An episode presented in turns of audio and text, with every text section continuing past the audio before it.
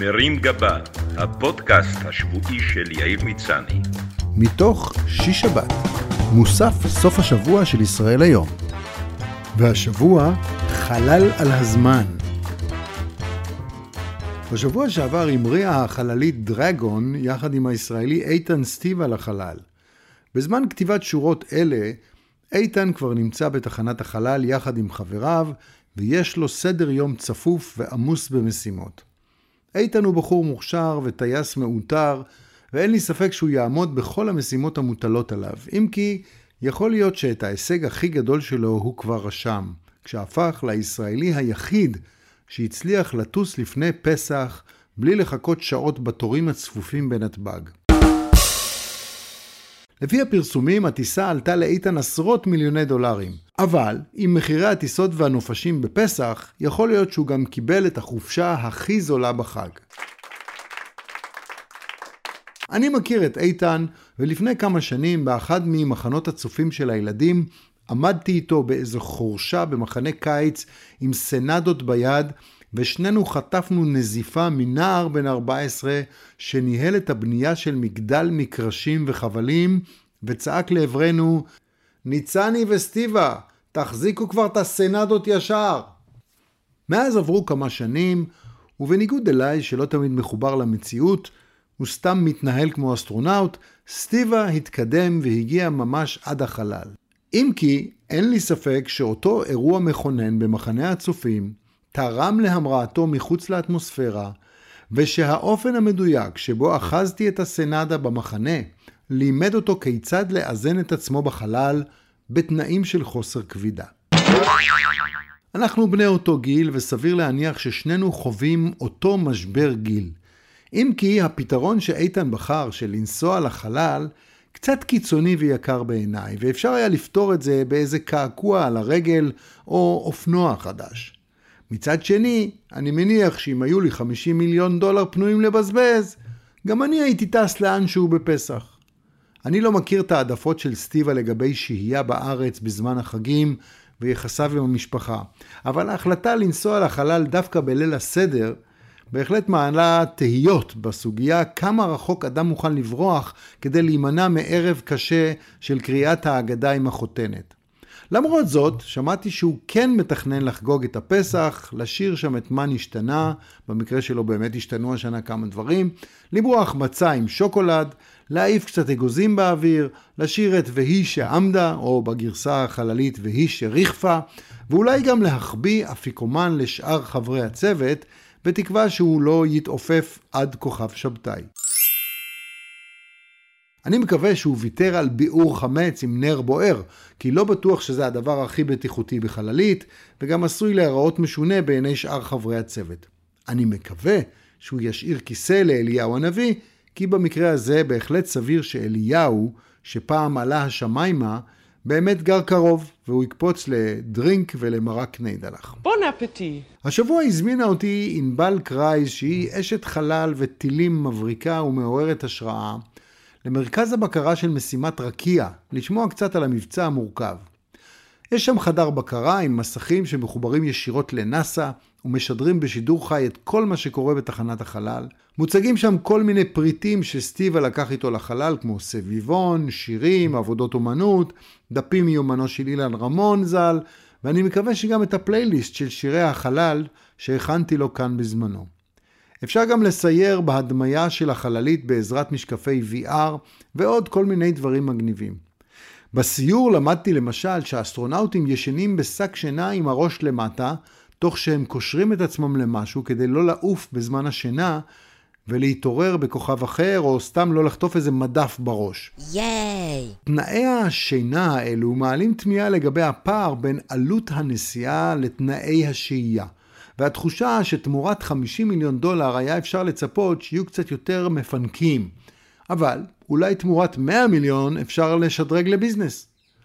גם חדר האמבטיה לא להיט, כי אחרי צחצוח שיניים האסטרונאוטים נאלצים לבלוע את המשחה, כדי שלא תמשיך לרחף להם מול הפרצוף. אף על פי שהחללית שטה בין כוכבים, גם במחלקת מזון ומשקאות לא מדובר בפינוק של חמישה כוכבים. ובמקום עגלת משקאות, מתברר שהנוסעים שותים את השתן של עצמם, שאחרי תהליך סינון מסוים הופך לסוג של שתייה, שנראה כמו שקית של טרופית, מה שמלמד שצופית גרנט הקדימה את זמנה. סליחה מראש על הירידה לפרטים, אבל אני תוהה מה המדיניות בחלל נטול הכבידה לגבי מה שמכונה בלשון מנומסת נפיחות. האם זה נשאר בתוך החליפה? דולף ומעופף באוויר? האם ניתן לראות את זה כמעין בלון שמרחף בחלל? אף שאינני מדען, אני תוהה אם לא כדאי לאגור את הנפיחות בבלון גז מיוחד ולהשתמש באנרגיה הזו כדי להאיץ את החללית בדרך חזרה ארצה.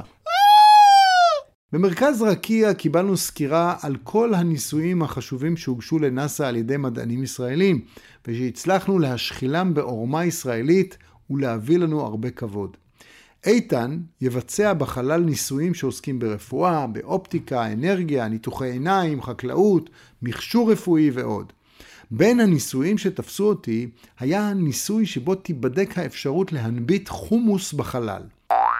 מהתורים הארוכים מול אבו חסן ביפו, אנחנו למדים כמה חומוס הוא מזון מבוקש וממכר, ואם לא יימצא פתרון לצריכת מסבחה ומשאושה בחלל, אני בספק אם בעתיד החלל יוכל להיות אלטרנטיבה אטרקטיבית להתיישבות של ישראלים.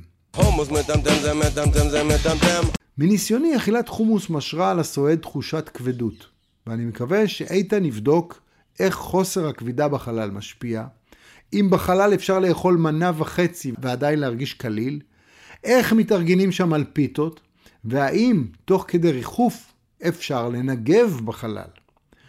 איתן יקיים גם ניסויים בתחום הבשר, והאפשרות להדפיס בחלל סטייקים מלאכותיים מתאים של פרה עבור משימות חלל ארוכות טווח, ובלי להטיס לשם עדר פרות. המחשבה על אכילת סטייקים בחלל בהחלט מעוררת את מיצי הקיבה, אבל דומני שעד שלא ימצאו פתרון להפעלת מנגל בחלל, כולל גחלים וערכת קריוקי, תוך כדי נפנוף בקרטון, אנחנו עוד לא שם, ונמשיך לקיים את יום העצמאות בפארקים על הקרקע. יש לי הרבה רספקט לניסויים החשובים שמתוכננים במשימה הזאת, אבל אותנו העסיקה תמיד נקודת המבט שלנו כישראלים וכיהודים. במפגשי הוידאו עם איתן הופנו אליו הרבה שאלות, והייתי שמח לדחוף גם כמה עניינים שמעסיקים אותי. למשל, ישראלים נוהגים למחוא כפיים בטיסות אחרי נחיתה מוצלחת. ורציתי לדעת אם מחיאת כף אפשרית במצב של חוסר כבידה.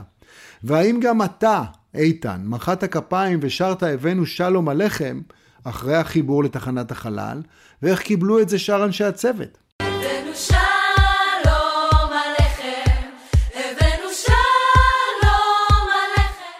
ידוע שישראלי אוהב לעקוף בפקק בדרך לרמזור העמוס, ונשאלת השאלה, האם בשביל החלב מותר לעקוף מימין, גם אם אתה בכלל בשרי? האם בחג הסוכות אפשר להקים סוכה בחלל? איך תולים את הקישוטים, והאם הסכך צריך להיות בכלל כלפי מטה עם הפנים לכיוון כדור הארץ? וואט? האם ניתן במצב של ריחוף לקיים מנהגים המצריכים דיוק מרבי, כמו ברית מילה, שבירת כוס בחתונה, וזריקת סוכריות בזמן העלייה לתורה, בלי שהם יפספסו ויפלו עד כדור הארץ? מזל טוב! והאם יש במשרד הדתות תוכנית להכשיר אסטרונאוט כמשגיח כשרות, או להקים סניף של בית חב"ד בחלל? ייתכן מאוד שבעתיד המצב בכדור הארץ יחייב רבים מאיתנו לעשות רילוקיישן מחוץ לאטמוספירה. אבל הטיסה לחלל ארוכה והסיכוי היחיד ליישב שם ישראלים מותנה בפתיחת דיוטי פרי. האם ניתן להקים דיוטי בתחנת החלל? ומה הצפי למחיר סביר של איסי מיאקי 200 מיליגרם לגבר בפחות מ-200 שקלים. ילד ישראלי חייב ביום כיפור לרכוב על אופניים. האם ניתן לקיים את המצווה גם בחלל? והאם יש שם חדר מיון? והתחנה המרכזית החדשה בתל אביב הפכה עם השנים למפגע סביבתי עם הרבה ריח של שתן וחסרי בית. כיצד ניתן למנוע הישנות של התופעה בתחנת החלל? והאם יש שם במקרה חנויות למכירה כהשקעה? ישראלים אוהבים להוסיף פרגולה ולסגור מרפסת. האם זה אפשרי בחלל? והאם אפשר להבטיח שלא יהיו שכנים חייזרים שילשינו עלינו לעירייה? והאם רואים מהחלל את הבית של יואב גלנט? סביר שכמו שכרגע יש נהירה של ישראלים לחופשות בדובאי, בעתיד נראה התנפלות כזאת על אתרי נופש בחלל. השאלה היא האם אפשר לקיים שם הופעות של עומר אדם, להסתובב בחליפת חלל ובכפכפים, ולחרוט על מטאורית איציק כהן היה פה. אשמח לקבל תשובות בהקדם כדי להחליט היכן אני רוצה לקיים את סדר הפסח בשנה הבאה, והאם להזמין מקומות בקלאב הוטל לוטרקי מאדים. חג שמח. מרים גבה, הפודקאסט השבועי של יאיר מצני. מתוך שיש שבת, מוסף סוף השבוע של ישראל היום.